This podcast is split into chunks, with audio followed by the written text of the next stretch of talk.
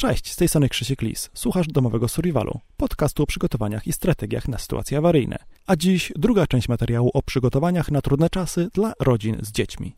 Zapraszam. Dzisiejszy materiał jest sponsorowany przez Patrona.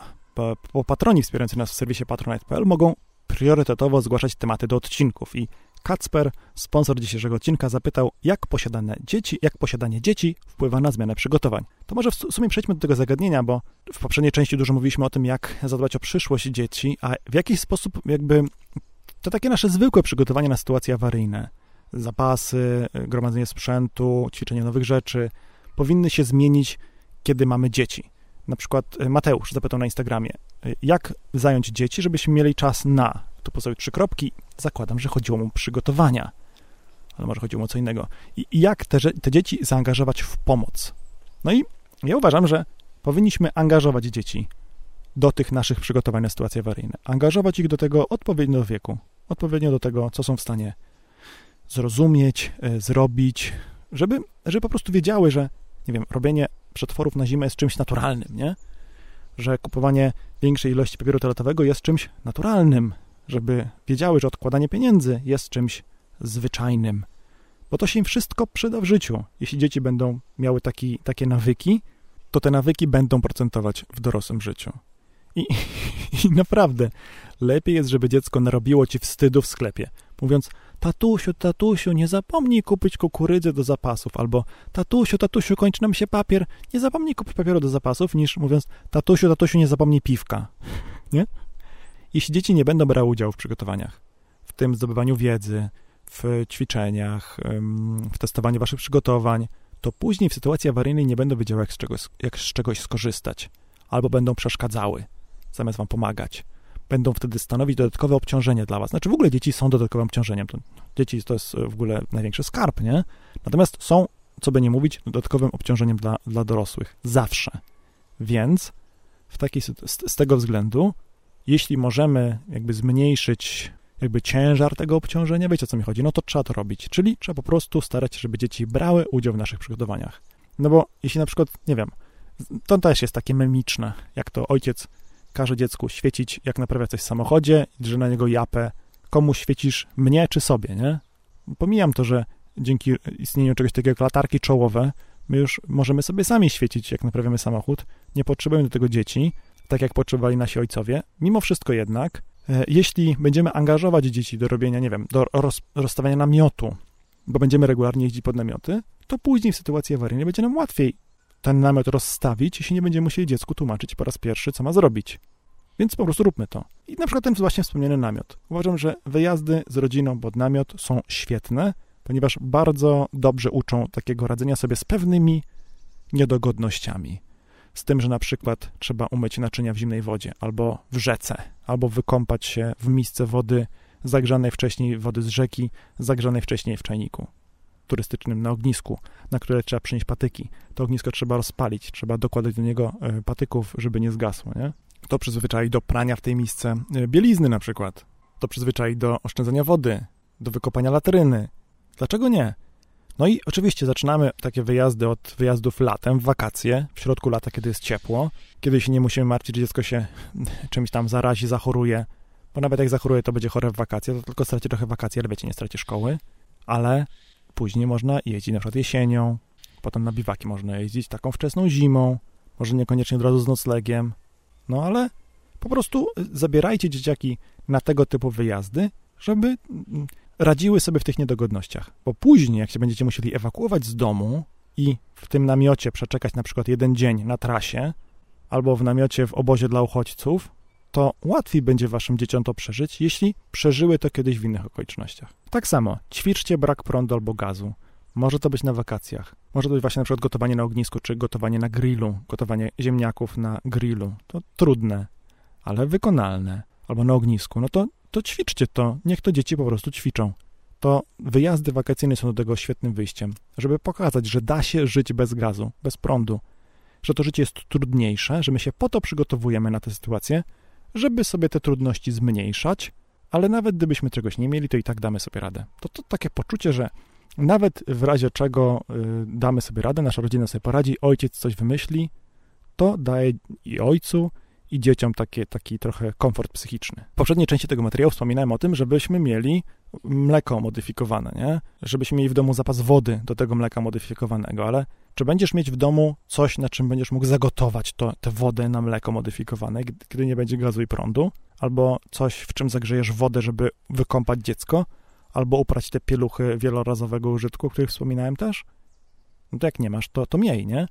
I tu się na przykład przyda czajnik typu wulkan, na przykład Kelly Kettle, którym za pomocą kilku czy kilkunastu patyków ugotujesz dużą ilość wody i szybko, no to, to po prostu miej coś takiego, albo choćby kuchenkę na kartusze, albo ociekacz na sztućce z Ikea, ze sklepu Ikea, w którym rozpalisz ognisko.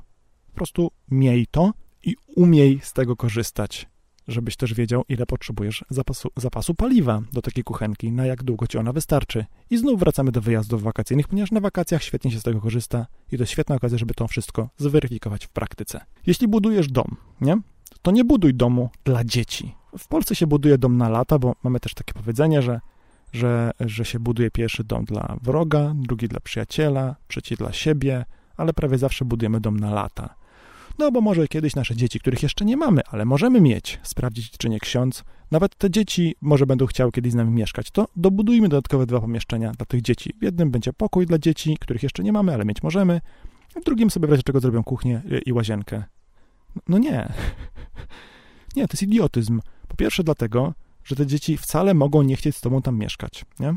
E, po drugie dlatego, że w takiej sytuacji zostaniesz z dużym kosztem. Co więcej, ten koszt będziesz ponosić także teraz, kiedy jeszcze nie masz tych dzieci, albo kiedy ten pokój nie jest ci potrzebny. To, to już lepiej odłóż te pieniądze, trzymaj je gdzieś na koncie na ewentualność rozbudowy tego domu i zostaw gdzieś miejsce na działce w tym celu. Albo kup drugą działkę gdzieś kawałek dalej, nawet nie, nie, nie bezpośrednio przylegającą do twojej, tylko kawałek dalej. Bo mało kto chce mieszkać obok, bezpośrednio obok swoich rodziców i to jest normalne. Nawet jak twoje dziecko będzie chciało, to może jego partner życiowy nie będzie chciał i co wtedy? Postawisz sprawę na ostrzu noża, albo się córeczko budujecie na sąsiedniej działce, albo masz się rozwieść z mężem? No, no, no nie. Więc jeśli, to, to, to jest bardzo fajne, że chcemy zadbać o to, żeby nasze dzieci miały gdzie mieszkać, ale nie w taki sposób. Kiedy dyskutowaliśmy o tym zagadnieniu na grupie, kiedy wspomniałem, że będę ten materiał przygotowywał, e, na naszej grupie facebookowej dyskusyjnej, do której link jest oczywiście w opisie pod filmem i gdzieś w bocznej szpalcie bloga, tak ktoś napisał, żeby, mm, że dentysta na, dla dziecka na CITO w niedzielę święto przerobiłem survival w milionowym mieście. No, więc dowiedz się może zawczasu, dokąd pojedziesz ze swoim dzieckiem, kiedy to dziecko się rozchoruje, albo skąd możesz zamówić wizyty, wizyty domowe, także w zakresie ortopedycznym, na przykład jak dziecko złamie rękę, ale też w zakresie dentystycznym, nie? Pomocy stomatologa. I to tak w dużym skrócie tyle, jeśli chodzi o, o to, jak delikatnie zmienić nasze przygotowania na sytuacje awaryjne, kiedy mamy dzieci. Mm, teraz jakby stricte o zapewnieniu dzieci, dzieci, dzieci, dzieciom bezpieczeństwa. Dzieci, jak wiemy wszyscy doskonale, są łatwowierne. Wierzą świętego Mikołaja. Wierzą panu Januszowi Korwinowi-Mikke. są łatwowierne i mogą pójść z kimś szukać szczeniaczków do piwnicy, albo na lody, bo to jest kolega taty, albo na coś innego. Nie chcemy, żeby nasze dzieci były krzywdzone przez złych ludzi, po prostu, nie? I teraz jakby cały problem tutaj jest taki, że my z jednej strony chcemy, żeby dzieci były nam posłuszne, żeby były grzeczne, żeby słuchały rodziców, żeby robiły coś im każe bez pyskowania, ale z drugiej strony chcemy, żeby dzieci były odporne na takich właśnie napastników, w sensie na przykład, żeby potrafiły zacząć krzyczeć, kiedy się coś złego im dzieje, albo wiedziały, kiedy coś dzieje się złego i potrafiły powiedzieć, że nie chce tego, potrafiły zaprotestować. Dzieci posłuszne rodzicom, nauczone, że mają słuchać autorytetów, będą słuchać także osoby, która wykorzysta swoją pozycję i władzę nad dzieckiem do jego skrzywdzenia, ponieważ mamusia i tatuś kazali w takiej sytuacji się słuchać w szkole, w klubie sportowym, na plebanii, kazali być grzeczni. No to byłem grzeczny. Nie, słuchajcie. Zależy nam na tym, uważam, że powinno nam zależeć na tym, żeby nasi, nasze dzieci były szczęśliwymi dorosłymi. Do szczęścia potrzebna jest asertywność. Nie można być człowiekiem, który daje sobie łazić po głowie, który daje się wykorzystywać szefowi, partnerowi życiowemu, księdzu czy nauczycielowi w szkole. Nie, nie, po prostu człowiek musi być asertywny. Musi być asertywny, inaczej nie będzie sobie radził w życiu, nie będzie człowiekiem przebojowym. Jeśli chcemy, żeby dzieci były przebojowe, żeby były asertywne, to musimy dawać mu przestrzeń do budowy tej, asertywności w domu. Musimy pozwolić dziecku na to, żeby stało się asertywne, żeby czuło, że może powiedzieć jasno, że nie życzy sobie, żeby ktoś mu coś robił, że ono nie ma na to ochoty. I to się zaczyna od tego, że przyjeżdża ciocia, o, pocałuj ciocie, daj buziaka cioci. Nie chcesz dać buziaka cioci? Trzeba dać buziaka cioci. Nie, nie trzeba dawać buziaka cioci. I jak ciocia pierdoli głupoty, że trzeba dać buziaka cioci, to się mówi ciociu, nie, nie trzeba. Synku, nie musisz dawać buziaka cioci, jeśli nie chcesz. Ty decydujesz, komu dajesz buziaka a ciocia może wypierdalać, jak się cioci nie podoba. Wiecie, ja, ja, krótka piłka. Naprawdę w dupie mam odczucie jakiejś osoby, którą widuję raz na x lat. Jeśli dla zaspokojenia potrzeby tej jakiejś obcej dla mnie w zasadzie osoby, moje dziecko ma potencjalnie być skrzywdzone w przyszłości. Nie, po prostu nie. Dziecko ma prawo postawić granicę. Nie mam na to ochoty. Tak samo ma prawo postawić granicę wam. Nie mam ochoty, żebyś mnie teraz przytulał.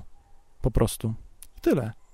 Uczymy dziecko, musimy dziecko nauczyć, że ma pełną kontrolę nad swoim własnym ciałem, z wyjątkiem może wizyty u lekarza, nie? z rodzicami i może jakichś tam jeszcze innych y, wyjątkowych sytuacji. Ale co do zasady, dziecko dysponuje swoim ciałem. To jest, to jest, to jest, fund, to jest fundamentalne, ale jednak jakoś tego za bardzo dzieci nie uczymy. Kolejna taka rzecz, którą należy dziecko nauczyć. Jeśli się zgubisz, zostań tam, gdzie się zorientowałeś, że się zgubiłeś. Nie biegaj, nie szukaj, po prostu zostań tam, gdzie, gdzie zauważyłeś, że nie ma rodziców. Tak będzie najprościej. Jak dziecko będzie biegać w okolicy, to może być je trudno znaleźć, a tak, tak może być to łatwiejsze. Warto jest wyposażyć dziecko w tak zwane, tak zwane w hasło bezpieczeństwa, czyli w takie coś, co mm, takie słowo na przykład, które musi powiedzieć obca osoba, którą widzi pierwszy raz w życiu, żeby wiedziała, że jest to osoba godna zaufania. No i fajnie jest, kiedy dziecko na przykład ma zaufanie dla policjant, do policjanta na przykład, nie? Albo żeby wiedziało, że jak jest, nie wiem, w sklepie i chce pomocy, to powinno pójść do kogoś, kto w tym sklepie pracuje, bo taka osoba będzie z natury rzeczy bardziej godna zaufania niż przypadkowy klient tego sklepu, nie? Albo jak będzie w, nie wiem, w urzędzie, to żeby poszło do stróża, cokolwiek, nie? A jeśli na przykład, nie wiem, ale jeśli będziemy potrzebowali pomocy jakichś obcych ludzi, to żeby dziecko wiedziało, że może temu obcemu człowiekowi, którego widzi pierwszy raz, oczy, pierwszy raz na oczy, zaufać, no to takie hasło bezpieczeństwa się przyda. W ogóle Fajnie jest wyposażyć dziecko w informacje na jego i na twój, na wasz temat, nie? W sensie, jak ma na imię, gdzie mieszkacie. No warto oczywiście, to będzie też o tym troszkę więcej mówię za chwilę, mm, warto zaznaczyć, żeby takich informacji nie przekazywać każdemu przy każdej okazji, ale wiecie o co chodzi. Była taka powieść, awantura o Basie, nie?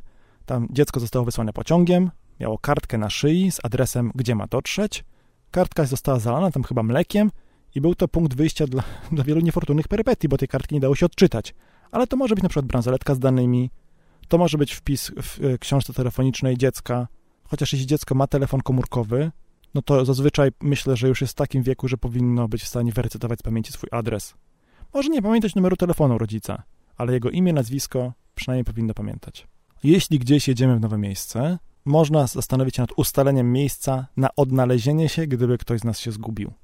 Jeśli nie wdrożymy w życie takiej właśnie zasady, o której wspomniałem wcześniej, że jeśli gdzieś się zgubiłeś, to sieć na tyłku, tam gdzie się zgubiłeś, bo cię znajdziemy, no to wtedy warto jest, nie, nie wiem, idąc na przykład do parku rozrywki, albo idąc y, na pływalnię, czy idąc do jakiegoś innego dużego obiektu, do hotelu na, na wyjazd, czy nie wiem, na, na plażę, jeśli y, zakładamy, że dziecko się może zgubić, to, czy, może, nie tylko, może nie tylko dziecko, bo to nie jest kwestia tylko y, zgubienia najmłodszego członka rodziny, także dorosłych, nie? Jak się dorośli pogubią, ustalić na początku, gdzie się mamy odnaleźć. I myślę, że w pewnym wieku taka zasada będzie już lepsza niż sieć na tyłku, czekaj aż cię znajdziemy, bo, bo po prostu ułatwi. W przypadku starszych dzieci to może być już lepsze wyjście. Wspomniałem o tym, że dziecko powinno mieć wiedzę o tym, e, jak ma na imię, gdzie mieszka i tak dalej, ale nauczcie go takiego bezpieczeństwa, żeby nie opowiadało wszystkim, co macie w domu. Żeby nie publikowało w social mediach informacji na wasz temat, na swój temat żeby na przykład nie publikowało od razu nic wycieczek. I to dotyczy też was. Wy też musicie tego, tego nie robić. To, to, żeby nie publikować informacji, które mogą zostać wykorzystane przeciwko wam, to jest bardzo zdrowy nawyk. Musicie mieć go wy, muszą mieć go wasze dzieci. Jest taki, taki mem na Twitterze, nie? Że siedzi sobie chłopiec chyba przy piaskownicy, obok niego jakiś facet i mówi, pamiętam jak zacząłeś chodzić mając 11 miesięcy i jak ogoliłeś swojego kota, a ten chłopczyk pyta, kim pan jest? Obserwuję twoją mamę na Insta, na Instagramie, nie?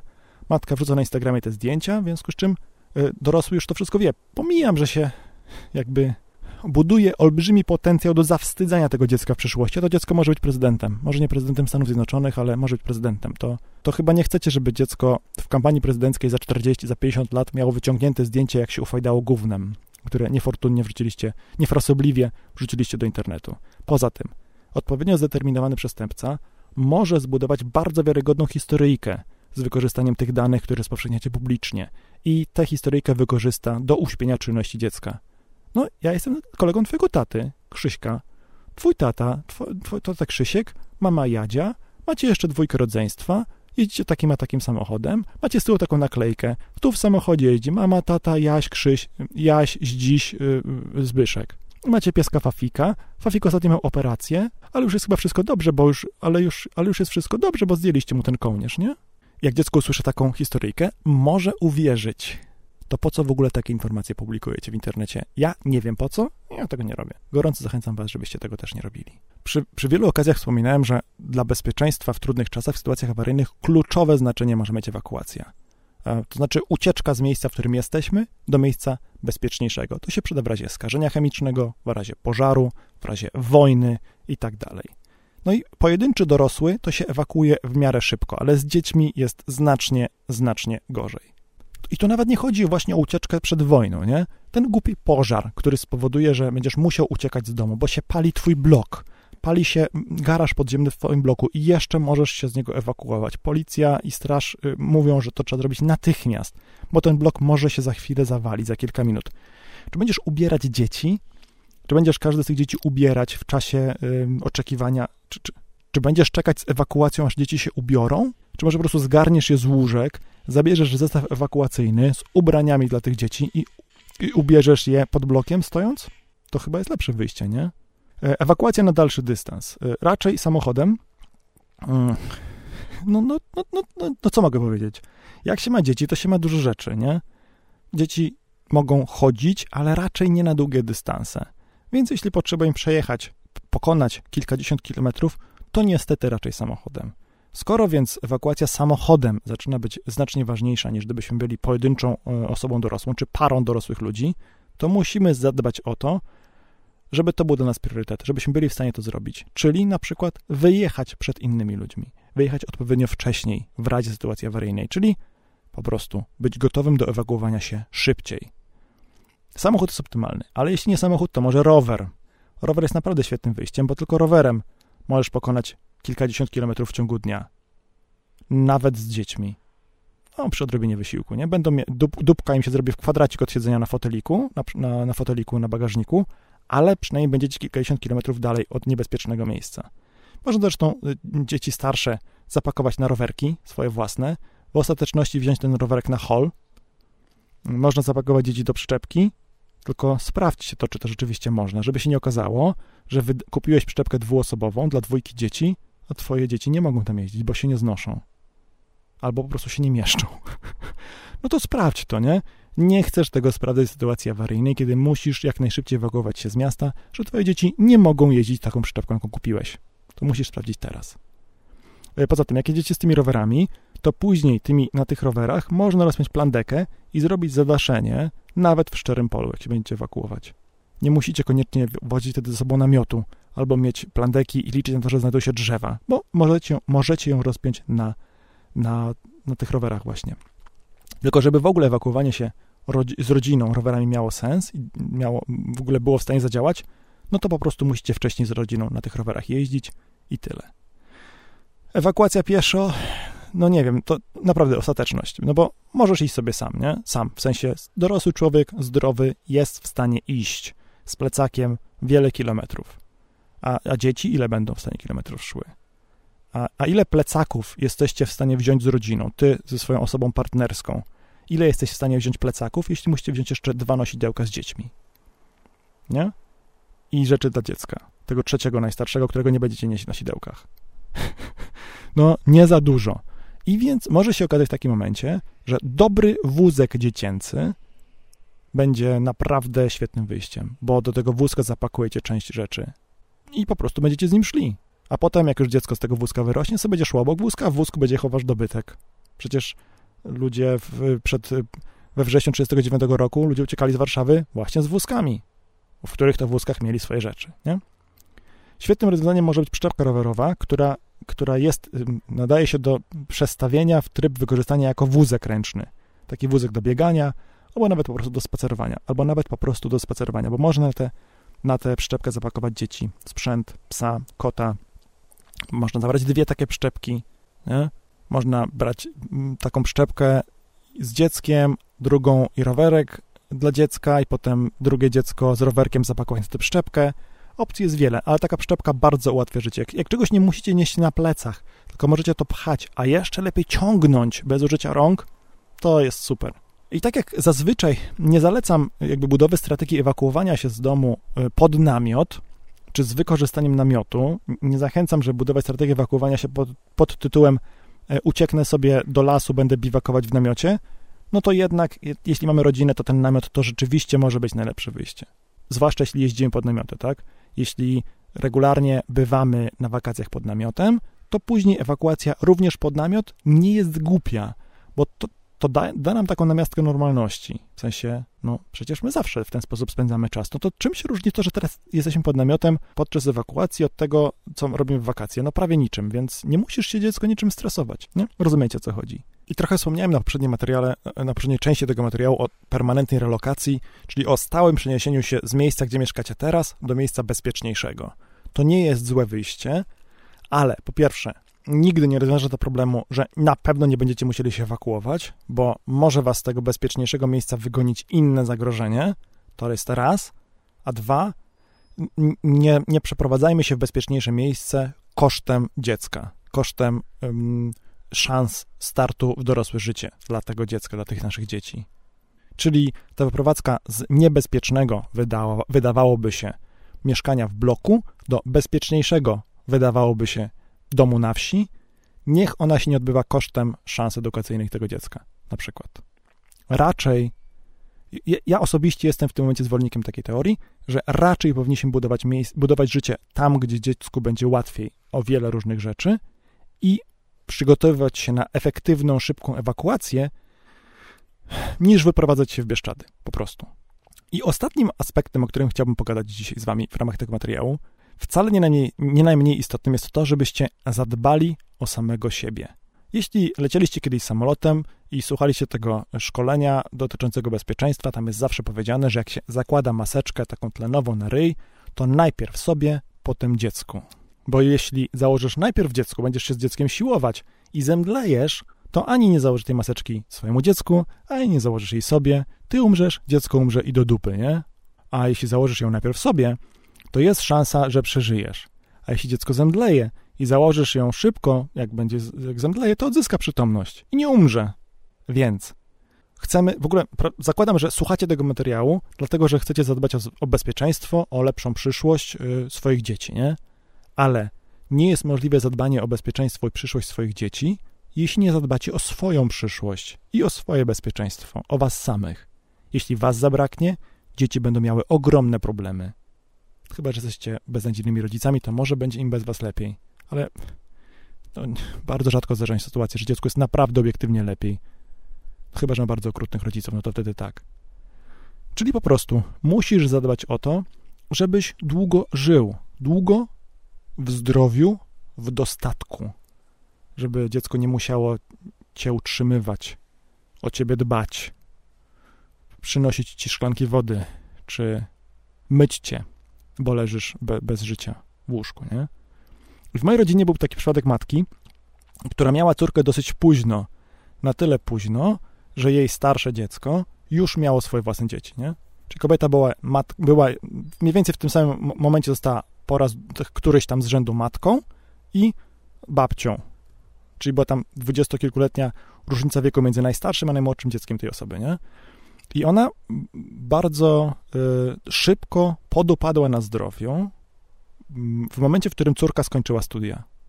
Tak jakby gdzieś tam y, podświadomie starała się y, za wszelką cenę wypchnąć to dziecko najmłodsze z domu. Znaczy, źle to brzmi wypchnąć, ale w takim sensie, że zapewnić mu start w dorosłe życie. Taki, mm, czy, czyli ona jakby starała się, nie wiem jak to wytłumaczyć, bo też nie znam tej historii w 100%, ale że właśnie starała się zadbać o to dziecko, a potem już trochę odpuściła i być może przez to właśnie podupadła szybko na zdrowiu.